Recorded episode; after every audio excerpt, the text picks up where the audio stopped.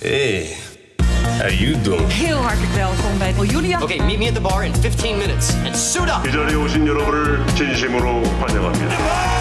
Listen to what Mr. Shelby has to say. We zijn er weer. Content Wars, je favoriete podcast over de wereld achter de content. Ik ben Jelle Maasbach en de beste formatontwikkelaar van Podcastland is er ook weer. Ja, ja, Kirstian van Nieuwhuizen. De man achter programma's als That's the Question, TV-makelaar, Singletown, iets met Big Brother. Heb jij er weer zin in, is de standaard Jongen, ik heb er altijd zin in. Maar helemaal nu ik de beste formatmaker in podcastland ben.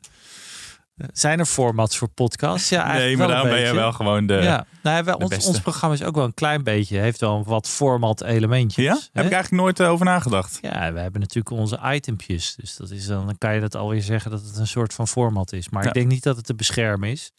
Helaas niet. Dus eh, Zouden we dit kunnen verkopen? Kunnen we nog een beetje geld mee verdienen? ja, is lastig. Kijk, de meeste podcasts zijn natuurlijk een beetje gebaseerd op de personalities. En personality formats zijn altijd moeilijk te verkopen. Ja, dat hebben we eerder van jou geleerd. Dus dan, eh, dan moeten wij mee. Dan moeten we het in het Engels gaan doen. Ik heb wel een keer, kan wel een keer een Engelse gast uitnodigen. Een vriend van mij die. eh, dan, dan moeten we alles in het Engels doen, Jelle. Ik weet niet of dat heel erg... Ja, eh, is that eh, doable for you? eh, What you I- think? I don't know if we can come and end, you yes, know? have you een beetje Rutte? Anyway. Nou, niet zo erg, maar Nee? ik vind dat wel moeilijk om op gang te komen. Ja, deze 37e aflevering gaan we het hebben over de inhoud. Nu gaat ze wel een beetje erover, denk ik. Want eh, ja, ze loopt gelijk een eh, hele hondje, denk ik. Want ja, ze van een naar een andere.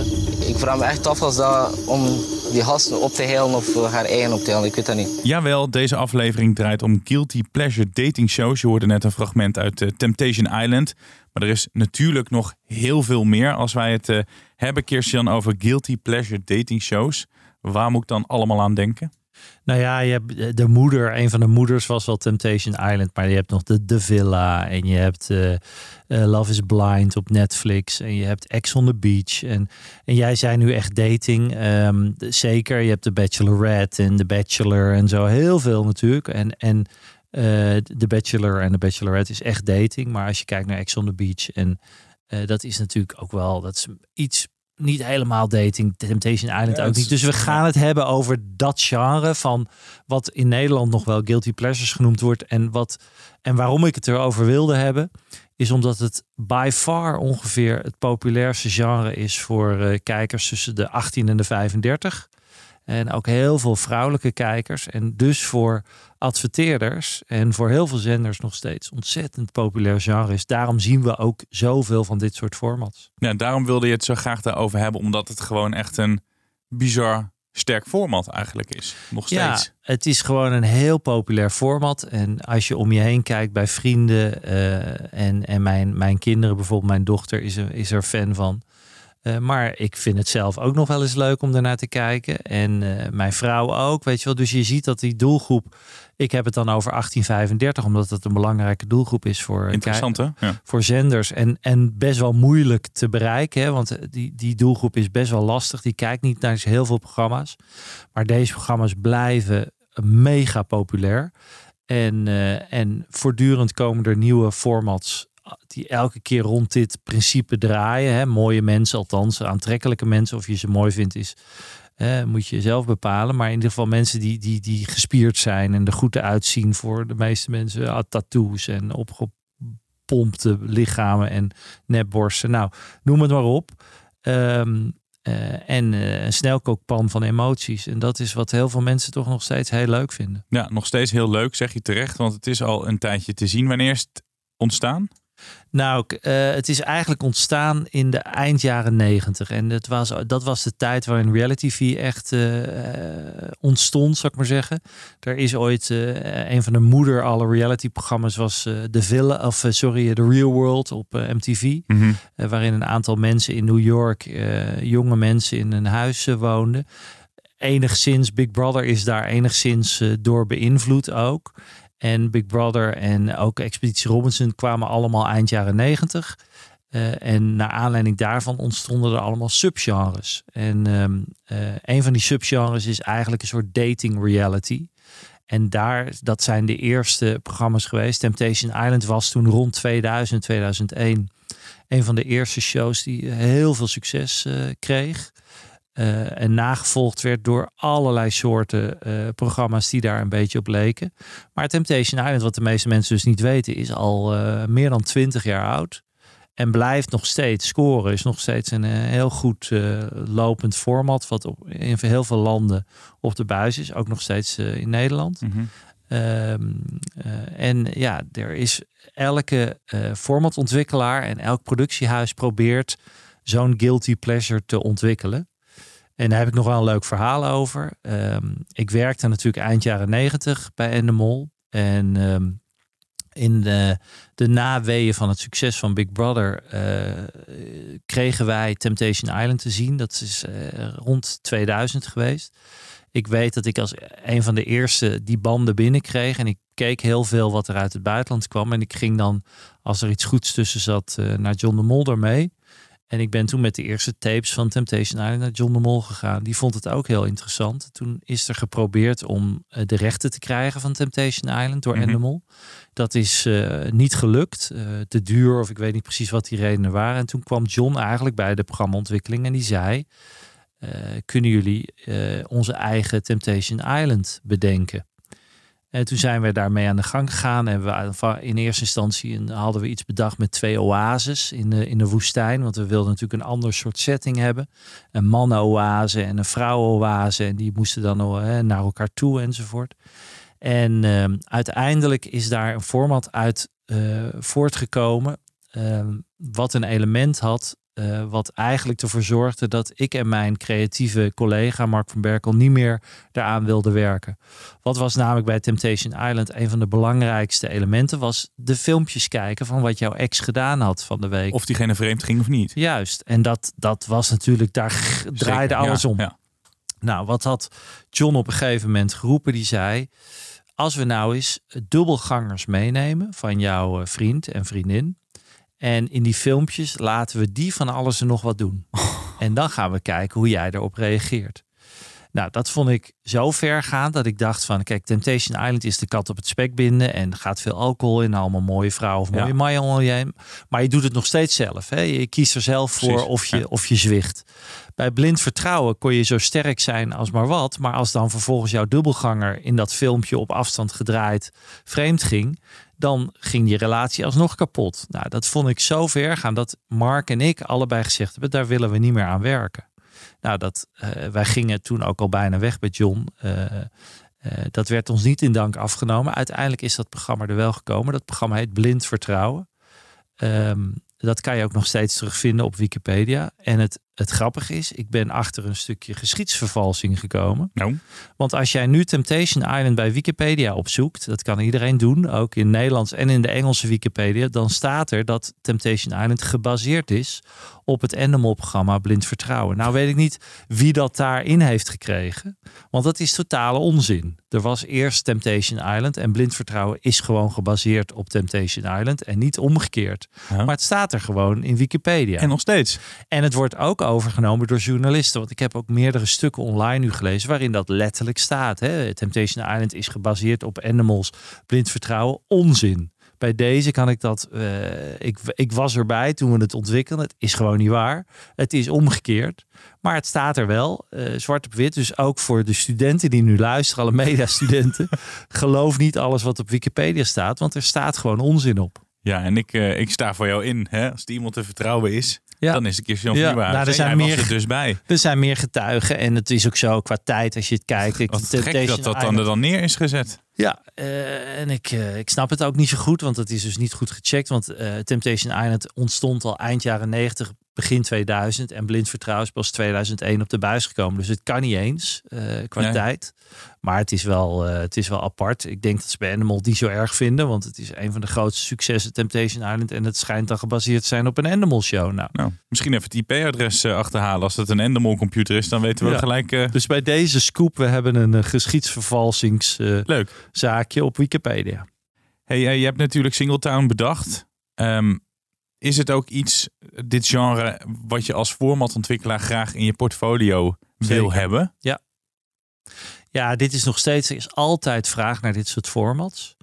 Eh, door alle zenders in principe. Ze- In ieder geval laten we zeggen, kijk, Max wil niet zo per se zo'n format hebben. Maar elke zender die die doelgroep wil hebben, 1835, die wil zo'n format hebben. Ehm, eh, dus als je een, een, als, als formatontwikkelaar zoiets kan bedenken, is dat fijn. Wat het ook fijn maakt, is dat heel veel van die guilty pleasure formats makkelijk kunnen reizen. In de zin van internationaal kunnen gaan. Eh, je kan er heel makkelijk een Franse of een Italiaanse of een Duitse versie van maken. Nou, van Singletown zijn nu vijf verschillende versies geweest in vijf verschillende landen. Dus dat maakt het ook heel leuk voor als formatontwikkelaar om jouw format internationaal te zien gaan. Ehm, en het zijn formats die over het algemeen ook niet allermoeilijkst zijn om te maken. Het gaat heel erg om de casting. Dus je moet zorgen dat je goede mensen cast. Eh, leuke characters. eh, interessante characters. Gekke characters. Ehm, en dan eh, als de arena juist is, en dat is vaak een lekkere arena, dus daarom wordt het vaak op een eiland gemaakt eh, of in een hele mooie eh, penthouse, zodat het een beetje eye candy is. De kandidaten zijn over het algemeen ook eye candy, hè? of je er houdt of van, niet van houdt, maar het zijn altijd goed gespierde jongens en, en, en Goed gevulde dames. goed gevulde dames, zeker, ja. Ehm, en ze zijn uitgesproken, ja, daar worden ze op gecast. En Ja. dan als je dat dan, als je er dan drank bij gooit en het zijn allemaal singles en je zet ze in een huis waar verder geen telefoons zijn en geen eh, tv en geen radio, dan gaat het automatisch gaat er iets gebeuren. Want dat doen ze ook bewust. Hè? Er is verder geen Ja. afleiding. Er kan natuurlijk ook het een en ander fout gaan vergeleken met degelijke formats zoals Heel Holland Bakt. Ja. Dat is helemaal het uiterste. Maar bij dit genre gaat er ook nog wel eens wat, wat fout, hè? Ja, er is zeker al door de jaren heen al, al best wel wat fout gegaan. Er zijn een aantal kandidaten geweest in Engeland die na afloop van een serie zelfmoord hebben gepleegd. Eh, die konden gewoon niet zo goed omgaan met wat er op hun afkwam. Nee. Eh, en ook misschien wel de roem en de kritiek. Eh, en we hebben, wat misschien mensen alweer bijna vergeten zijn, twee jaar geleden, natuurlijk best wel een hele groot schandaal gehad bij RTL. Wat er, dat er eh, wat eh, seksueel eh, verkeerd gedrag was in de villa. Dat was net in de begintijd van Peter van der Voorst. Ja. Die moest toen gelijk ingrijpen. Ja. Dat waren we alweer inderdaad bijna vergeten. Ja. En het lastige is natuurlijk dat als je een arena creëert waar mensen voortdurend op elkaar zitten en waar bijvoorbeeld veel drank in gaat, Ja. dan gaat het heel vaak toch wel mis. Toen dacht ik wel even van misschien is dit het einde van het principe. Ja, nou, de, de, dat was zeker bij, eh, bij veel makers dacht men van, oh jee, hè, we, kun- kunnen we nog wel naar RTL toe? Eh, RTL was daar ook best wel stellig in. Die hebben van meteen vanaf het begin de villa gestopt. En het heeft ze ook veel geld gekost. Want het zijn niet de goedkoopste. Het zijn niet de moeilijkste programma's om te maken. Maar ze zijn over het algemeen best wel kostbaar. Waarom is dat eh, dan? Omdat die locaties vaak niet goedkoop zijn. Omdat het natuurlijk 24 uur eh, gedraaid wordt. Er Ja. moet heel veel zijn, is veel crew aanwezig. Het zijn vaak veel mensen die daar ook meedoen. Dus het moet er allemaal naartoe gevlogen worden. Eh, er wordt heel veel materiaal gedraaid. Wat allemaal weer gemonteerd en gespot moet worden. Moet allemaal bekeken worden. Er moeten verhaallijnen gemaakt worden in de edit. Dus er wordt heel veel gemonteerd aan die programma's. Ehm, dat maakt het over het algemeen du- duur. En het zijn ook programma's die vaak, waar men vaak best wel een tijdje op zo'n eh, eh, locatie zit. Dus het, is, Mhm. het is niet in een week gedraaid. Nee. Meestal zitten ze er een maand, soms wel twee maanden. Dus het zijn niet de goedkoopste programma's. RTL heeft daar best wel veel geld aan verloren. Eh, maar grappig genoeg, een jaar later was het gewoon weer, kwamen ze weer terug. Was Temptation Island weer terug. De villa is nu even gestopt. Wat je zag in Engeland in navolging op die problemen die ze hadden met kandidaten, is dat er meer eh, psychologische hulp is. Dus er zijn allerlei instanties die binnen de productie die ehm, jongens en meisjes helpen na die shows. Hoe ze omgaan daarmee. Eh, en wat je ook ziet, bijvoorbeeld in Engeland is Love Island best wel heel populair bij ITV. En eh, daar hebben ze geprobeerd om wat minder alcohol in eh, de show te brengen. Want dat gaf toch wel veel problemen. Zeker met Engelsen, die er toch wel van houden. En daar hebben ze geprobeerd om toch wel te, dat enigszins te beperken. Dat hebben wij overigens ook in Singletown gedaan. We hebben niet heel veel alcohol in het huis gebracht. Omdat we juist niet zo'n show wilden zijn. Je kan daarvan zeggen, is dat nou slim? Want veel kijkers vinden het natuurlijk juist leuk hè, als het een beetje fout gaat. Maar wij wilden ook ervoor waken dat er niet allerlei dingen zouden gebeuren eh, met mensen die, eh, waar ze later spijt van zouden krijgen. En wij ook. We wilden ook een beetje mensen zich, eh, voor zichzelf in bescherming nemen. Ja, dus RTL ging dat met eh, de villa. Ehm, nemen zenders en streamers minder risico vandaag de dag? Of is het ongeveer hetzelfde gebleven? Nou ja, kijk, de, de hele eh, wokeness die, eh, die nu gaande is, eh, dat zal ook wel zijn weerslag gaan hebben, vermoed ik, is mijn voorspelling, op dit soort formats. Je ziet dat al de villa, waar er inderdaad wat gedrag was van een mannelijke deelnemer die dronken was en en een meisje besprong. Ehm, dat werd niet gepikt. Je kan je afvragen van ja, willen ze nog wel dit soort programma's waar heel veel drank in gaat en waar dit soort dingen dan ook veel sneller gaan gebeuren? Of zullen ze daarin ook wat meer maatregelen gaan nemen? Ja. Ehm, dus dat is de vraag een beetje. Van durven ze dat? Aan de ene kant zorgt het voor spectaculaire televisie. Eh, vechtpartijen zijn ook vaak, komen ook vaak door de drank. Eh, seks is vaak natuurlijk een uitkomst ervan.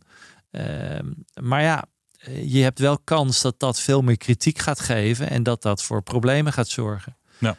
Dus ja, ik ben benieuwd of dat, eh, of dat gaat. Als je nu kijkt naar bijvoorbeeld een succes bij Netflix, Love is Blind, wat een best wel een groot succes is, zijn nu alweer een aantal spin-offs van. Dat is heel, best wel heel braaf. Nou is dat ook Amerikaans. Ex on the Beach was veel heftiger. Ja, ik ben heel benieuwd of eh, de laatste seizoen van Ex on the Beach was best wel heel heftig. Wat ik van, eh, van bijvoorbeeld mijn dochter hoorde. Wat er allemaal gebeurde. Ja, de vraag is, wil je zo ver gaan dat er, dat er gewoon heel veel seks is en heel veel dat iedereen het met elkaar doet? Eh, wil je ook die kant op, ook als zender? Want adverteerders zijn er ook niet altijd even blij mee. Om rond een programma te zitten waar wat zo plat is en Ja. waar wat zo uitgesproken alleen maar gaat om drinken en, en, en neuken, even plat gezegd. Ja, nou hou dat vast. We gaan het zo meteen hebben over de toekomst van dit genre. Eerst naar de persoon die deze week in de hoofdrol staat. In de hoofdrol. Bijna traditie dat jij diegene altijd bepaalt. Maar ik zou hem graag deze keer willen doen. Want Ja. een oude jeugdheld van mij... die krijgt ineens een kans bij RTL Nederland. Bij Videoland om precies te zijn. Valerio Zeno. Ja, Die eh, was natuurlijk de gevierde presentator bij, eh, bij BNN. Eh, maakte samen met Dennis hele mooie programma's daar. Proefkonijnen bijvoorbeeld. In Try Before You Die en zo zat hij ook allemaal. Dat deed hij heel goed. Wat het gekke daar was, een beetje gênant, was dat hij altijd riep... mijn grote droom is presenteren bij RTL. Op een gegeven moment moest hij eruit. En raakte hij in de vergetelheid. Hij eh, ging DJ'en.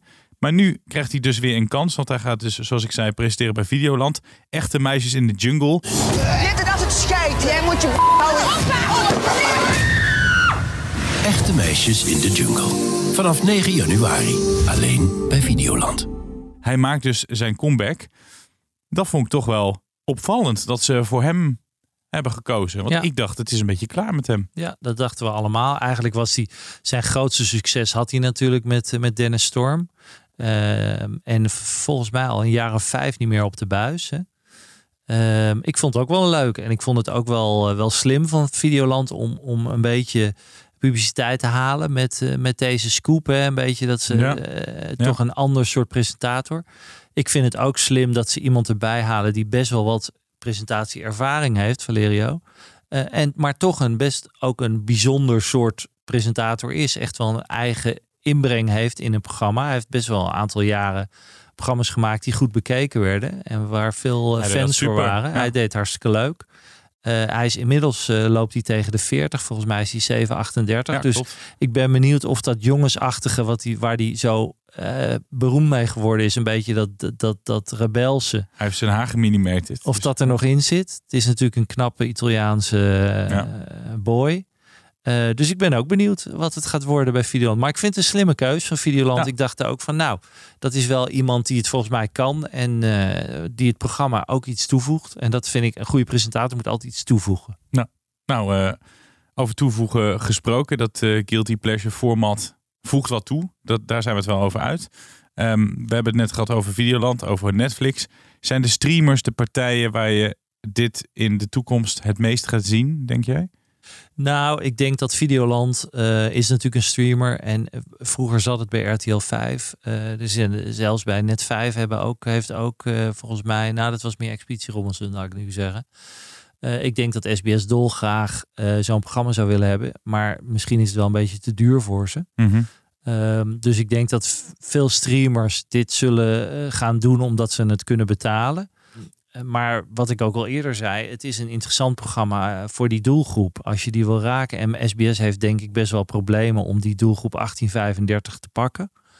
Eh, dus ik denk als je met een goed, als SBS met een goed betaalbaar guilty pleasure format zou komen, zouden ze dat best willen. Ze proberen het natuurlijk een beetje nu met dat, eh, eh, dat, dat vooravondprogramma, eh, dat Big Brother-achtige ding. Ik ben even de naam ervan kwijt. Nou, zoeken we even op. Ehm, maar goed, dat, ja, dat scoort een paar honderdduizend kijkers. Volgens mij 200.000, 300.000. Dus dat, dat zijn de, de cijfers niet. Ik zie Videoland voorlopig hiermee doorgaan. HBO heeft net natuurlijk Fuckboy Island, wat hun eigen versie was. Ja, Eh, ze komen nooit met cijfers, dus ik weet niet hoe goed ze het doen. Eh, ik had eh, natuurlijk Singletown op, op Discovery. Ehm, eh, hoop ik natuurlijk ook nog steeds dat het, van terug, dat het terug gaat komen. Prime heeft volgens mij nog niet echt een guilty pleasure. Nou ja, Netflix heeft er een aantal. Ja. Dus je ziet ze echt wel eh, links en rechts voortdurend eh eh, langskomen. En MTV is er natuurlijk ook groot mee geworden. Ja, dus de, de meesten hebben het wel. SBS zou het kunnen gebruiken. In de mix hè, hebben we geleerd van Tina Nijkamp. Want John de Mol is Ja. gek op, op quizjes en geld, geldprijzen. Ja. Maar dit missen dan nog... Ja, dit zou echt wel iets voor ze zijn. Ze hebben natuurlijk Million Dollar Island geprobeerd, wat heel iets anders was. Echt geen guilty pleasure. En het ging inderdaad weer om geld, had hij er helemaal gelijk in. Dus dat zou echt wel weer eens iets anders kunnen zijn. De, de, ehm, eh, het liefdesprogramma, wat ze heel lang dagelijks hebben gehad, scoorde eigenlijk ook altijd heel goed voor ze. Is ook niet echt een guilty pleasure. Is natuurlijk echt een beetje first dates-achtige. Alles is liefde heet het toch? Ja. Eh, nee, niet alles is liefde. Ehm, BNB voor liefde? eh, eh, nee, dat is ook niet van eh, SBS. Eh, Gaat heel goed. gaat goed met onze titels. Nou, ik denk dat mensen weten waar we het over hebben. Ja. Een dagelijkse datingprogramma wat lijkt op First Dates. Ehm, eh, dus ik denk dat SBS... Maar Lang ik denk leven dat de liefde. Lang leven de liefde. Heel goed, Jelle. Ehm, ik denk de SBS gewoon dat het kosten. Ja. Een kostenplaatje is. Hey, zou jij een, een, een Singletown 2.0 nog willen verzinnen... waarin iedereen eh, eh, wordt tegen de tafel... of, of, of Op de tafel wordt op de tafel genomen. wordt genomen. Zoiets. Iets gezelligs. Nou, ik zou het zeker. Ik zou zeker nog zo'n format willen verzinnen. Ik, ben, ik probeer het ook nog steeds. Ehm, eh, maar het is ook niet eh, eh, de makkelijkste formats van papier te verkopen, omdat het best Nee. dure formats zijn. Dus je moet vaak wel met iets van een mood tape komen.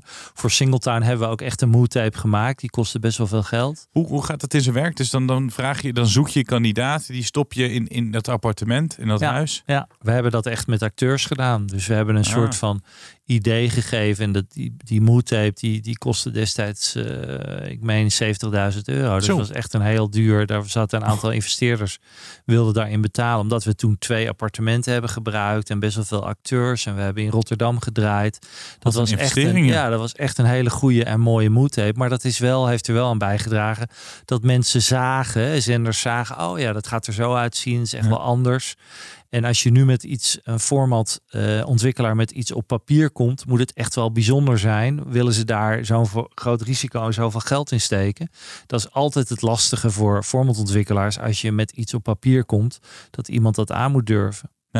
Dus dat is, wel een, eh, dat is wel een dingetje, maar ik zou het heel graag wel weer een nieuwe eh, willen, willen bedenken. Eh, eh, Singletown heeft ook wel best een leuk, leuke bedrag voor mij opgeleverd in totaal. Ik ga niet zeggen hoeveel, Jelle. Oh. Ik zie je kijken. nee, maar, maar, het zijn. kerstcadeautje kan er wel af voor mij. Nou ja, het andere, daar hebben we het ooit volgens mij ook wel eens over gehad. Vroeger verkocht ik formats of formatontwikkelaars verkochten formats en dan kreeg je alleen maar geld als het ergens ging lopen in de, de Duitse versie en dan kreeg je een percentage. Mhm. Wat er nu gebeurt met, eh, met, eh, met dit soort formats is dat de, het pakket van die afleveringen ook verkocht wordt. Dus ik heb meer verdiend aan die 15 afleveringen die aan Amerika, de Engelse afleveringen, het pakket van 15, die Amerika werden verkocht, dan de 15 die in Engeland werden gemaakt. Eh, omdat dat hele pakket, 15 ready-mates, noem je dat, gewoon 15 afleveringen. Mhm. Daar, die gingen naar HBO Max in Amerika. En die, die betaalden voor vijf jaar om dat vijf jaar lang op hun streamer te mogen uitzenden. En dat levert meer op dan in zo'n landje één serie te laten maken. Ja. Dus voor, voor formats als dit, die heel veel streamers willen hebben, die kopen dus ook die pakketten ready-made. Dus mijn Noorse en mijn Finse aflevering, die zijn ook te zien in Zuid-Amerika en Noord-Amerika. En er wordt allemaal voor betaald. Ja. Dus dat, is, dat maakt het heel interessant. Die streamers hebben het toch veel leuker gemaakt voor jou. hè? Zeker, die streamers hebben voor mij nog een, eh, een, een leuk eh, extra zakcentje. Hartje, hartje. Ja. Zou het hier werken? En ja, ze is er weer onze grote vriendin Lisette van Diepen met het eh, format uit het buitenland. Wat heb jij voor pracht en praal deze week voor ons meegenomen? Eh, ik heb een oudje meegenomen, want eh, met de aankomende feestdagen en het voetbal is er natuurlijk weinig echt nieuws in entertainment. Behalve van alles nog wat op kookgebied, wat er nu met, rondom de kerst bij komt. Dus ik heb een, een oude titel meegenomen, die al decennia geweldig loopt in het eigen land en nog altijd niet goed reist. Dus we gaan naar Zweden. En daar loopt op de publieke omroep SVT al vanaf 1987 het format dat in het Engels heet On the Right Track. Ja, het is een quizshow, eigenlijk alleen maar rondom aardrijkskunde. Dus we kijken naar twee teams van twee mensen. Die zitten in een soort eh treincoupé in de studio. En zij krijgen filmpjes te zien eh, van een camera die op een trein staat, rijdend door het land. En ze krijgen allerlei clues. En dan moeten ze in eerste instantie zo snel mogelijk raden wat de bestemming is van die trein op basis van de clues en het filmpje. En de kijkers thuis kunnen dan natuurlijk heel goed meespelen, dat heel leuk is. En als de bestemming geraden is, dan krijgen we allerlei vragen over die specifieke plek, stad.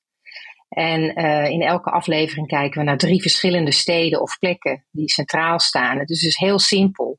En echt al jaren het best lopende programma in Zweden.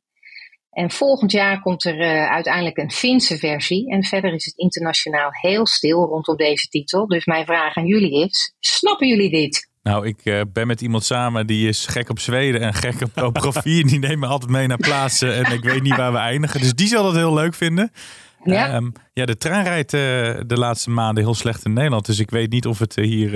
nee, dat is, dat is heel flauw. Of die zou werken. Ik vind het heel leuk klinken. Um, ja, ik, ik denk zelf dat het wel zou kunnen werken. Maar Kirstian weet er meer van. Ja, het is grappig, want ik weet dat er jaren geleden was er een heel populair programma die inderdaad uh, s'avonds laat hè, op de voorkant van volgens mij een auto was die door Nederland heen reed. En dan kon je die beelden zien en dan zaten mensen altijd zich af te vragen waar rijdt die auto? Oh, ja. En dat was een soort full tv. Ik meen wel twintig jaar geleden of zoiets hebben dat ook volgens mij een keer met een fietser gedaan die dan door een stad heen fietste. Dus ik snap dat het vanuit 87 is, ongelooflijk, 35 jaar oud al. Um, ja. En inderdaad zou het iets zijn. Het voelt wel een klein beetje oud daardoor. Niet, misschien niet alleen omdat het 85 is, maar, of uh, 35 jaar oud is, maar op een trein en dan vragen waar die rijdt, voelt een klein beetje Max. Aan de andere kant was dat format waarin Max uh, op het spoor zat en met allemaal treinen door Europa reed, was best wel een succes bij Max. Ja. Dus het zou, maar het zou best kunnen dat dat iets voor Max zou zijn. Nou heeft Max volgens mij heel weinig quizzen en heel weinig aardrijkskunde-achtige dingen. Ze gaan nu iets doen met de Dolly Dots of all places. Uh, of all people. Uh, dus ik, het zou ik vind het best wel een grappig idee. En ik denk dat heel veel mensen dan ook mee zitten te spelen. Dus voor een partij als Max zou dit best wel iets kunnen zijn, die zet. Nou ja, ik ga in ieder geval, ook omdat er een nieuwe Finse versie komt, ga ik er toch nog eens even heel uitgebreid naar kijken. Ja, wie weet, ik, wie weet, wie weet. Ik snap het. Ik, ik, ik geef het best een, een kleine kans bij, uh, bij Max. Nou, leuk een keer zo'n gouden oude uh, Lisette. Een gouden oude, ja. in plaats van het voetbal en de kerst. Wie weet. Dankjewel, Lisette van Diepen. Ja, dit was hem dan echt. Bijna echt. Bijna want we gaan natuurlijk nog, ik zou bijna vergeten, de tip geven. Voor de, dat tip, de tip van, uh, oh, van Jip. Ja. Ja, nou, ja. Kom, kom maar eens even met, nou, uh, ja, met een leuke tipserie. Ik, ik dacht, ik ga eens uh, een, een, een tip geven van Prime. Omdat we, we proberen een beetje af te wisselen. Ja, hè? heel goed. En het, het jammer is dat we niet zo heel veel formats hebben de laatste tijd. Dus we zitten toch vaak op series. Nou. Uh, maar daar proberen we ook een beetje. We hebben nu Disney een keer gehad met uh, The Bear, wat uh, fantastisch was. En ik had laatst Fireplay met iets anders dan Formule 1. Dus ik probeer nu weer Prime. En bij Prime hebben ze een, een science fiction serie die heet Peripheral. En daar is al best wel wat over verteld, denk ik. Ik heb er af en toe wat over gelezen. En dat is echt een mooie serie. Er zit veel geld in ook.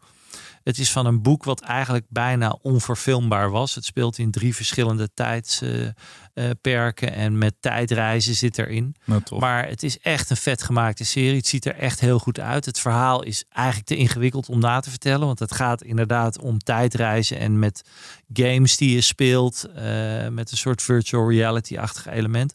Maar het ziet er echt gek uit.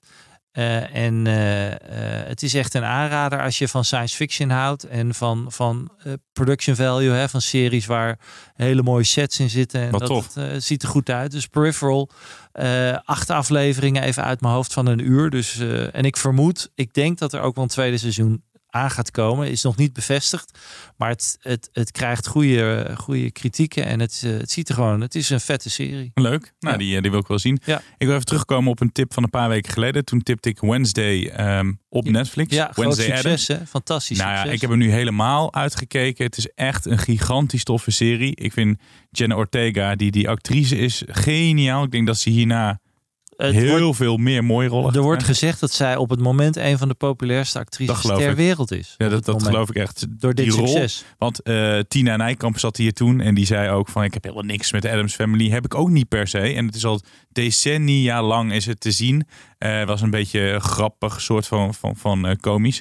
Dit is een beetje donker komisch, maar die rol die zij neerzet en hoe het is gemaakt. Hij krijgt ook een 8,5 of een 8,6 op IMDb. Eh, overladen met eh, positieve reacties. En daar ben ik het helemaal eh, mee eens. Dus als je hem nog niet hebt gezien, maar wacht even, ga jij nu Nee, ik voor wil- de ik tweede keer dezelfde keer. tip? ik wil mezelf nog. Nee, ik ga gewoon- nu naar een nieuwe tip. Oh, ik was Ik dacht, we zitten in het thema van, van zuipen en hoeren en snoeren. Zeker. Dus veel seks. Jouw leven zitten we In mijn leven zit... dat is waar, maar nu helemaal serieus in een relatie, hè? Schat, als je zit te luisteren, Ja. Nee, ik ben nu heel braaf. Ja hoor, ik geloof je. Huis in. Amersfoort Ja gekocht. hoor, tuurlijk. Ehm, nee, eh, oh, ik dacht omdat we in het thema zitten. eh, het is een, een, een serie die al meerdere seizoenen loopt. Nu in het zesde seizoen. Elite, Spaanse serie. Ik vind Spaans verschrikkelijk. Maar deze serie gaat over een eh, stel jongeren dat op een kostschool zit. Elk seizoen gaat er iemand dood. Dat gebeurt daar kennelijk Altijd, gewoon. ja. Iemand die wordt doodgeslagen, overreden, weet ik veel wat. Ehm, maar ik, ik grap wel eens, als je zit te kijken, heb je al een SOA. Daar wordt zoveel geneukt in die serie. Ja. Zoveel kook gesnoven. Dat is niet normaal. Ehm, maar het is wel echt een goed gemaakte serie. Als ik het nu zo grappend vertel, dan heb je misschien geen zin meer om te kijken. Maar het zit wel goed in elkaar. Ik denk dat jij het ook qua plot. Het begint dus met die moord. En dan gaat het ja, een beetje how, how eh, to get away with murder is het Ja. een beetje dat idee. Dat helemaal op het einde, dan kom je eindelijk bij die, bij die moordenaar. Eh, en, en die weg ernaartoe is helemaal eh, volgegooid met, met drama en intriges.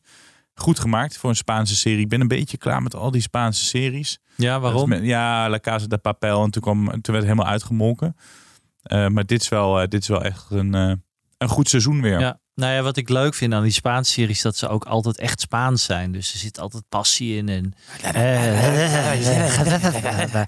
dus dat is ook leuk. En knappe vrouwen en, Ja. en, en, en macho mannen. Ja. Het is, dat vind ik wel het leuke. Beetje stereotyp, maar het, is alle, het zit Een beetje overdreven. in. Ja. En eh, inderdaad, hoop seks altijd. En, eh, dus dat maakt het ook wel leuk. Maar als je dat dan vergelijkt met een aantal van die, van die Scandi Noirs, dan weer heel anders. En we die kunnen het misschien wel een keer over Spaanse series gaan hebben. Want het is inderdaad altijd wel een beetje hetzelfde. Nee, Casa, Pa-. Casa de Papel heeft natuurlijk een enorme eh, boost gegeven aan Spaanse series. En die zijn best wel populair hoor. Op Netflix wordt er best wel goed gekeken naar een aantal Spaanse series. En dan breng jij ook weer even zo'n elite. Ja. eh, die toch ook zes seizoenen krijgt. Dat is ook niet voor niks. Nee. Dus eh, ja, nee, Spaanse series. Ja, het leuke bij Netflix en bij veel van die streamers is dat je heel leuk die verschillende soorten nationaliteiten in die series ziet. En Spaans is toch, ja, je moet ervan houden, maar ik vind het wel leuk hoor. Nou, mooi. Eh, maar leuk om het hier een keer misschien eh, Ja, wie een weet. keer verder over in, te het, in het misschien volgend jaar. Hè? Ja, we doen het in het... eh, 2023. we gooien het in het Español. redactieoverleg. Eh eh, gracias. Gracias. Jan van gracias. Nieuwenhuizen. De nada. Volgende week dan zijn we er weer. En dan schuift eh, Mark Pos aan. Regisseur, producent en directielid bij eh, IDTV. Ja. Eh, bedrijf dat... Galeriehouder ook nog, hè? Hij, Ja. heeft, hij heeft een galerie. Ja, wat, wat doet hij niet? Dan kunnen Nee. we misschien vragen, wat doe je niet? Nee, Mark Post doet heel, Heel veel. Ik veel. ken hem al heel lang, al, al eh, meer dan 30 jaar. En het is een ongelooflijk getalenteerd eh, man. Maar hij, hij doet ontzettend veel. En hij kan ook heel veel. Want heel veel dingen die hij doet, is hij heel succesvol in. Ja. Dat weten ze allemaal in Hilversum ook. En weet hij zelf ook hoor. Ja. Eh, maar zijn laatste grote succes, echt wereldwijde succes inmiddels. Want ook bij de BBC is de, De Verraders. Ja, Ja. En daar gaan we het over hebben. Dat internationale succes. Dan ga ik ook aan jou vragen. Geef hem nog maar geen antwoord, hè, want we hebben een soort van cliffhanger. Of dat een beetje het Big Brother, het nieuwe Big Brother qua succes kan. Ja, ja. Dus Nou, volgende week eh, gewoon weer luisteren, we zou ik gaan zeggen. Ja. Tot dan.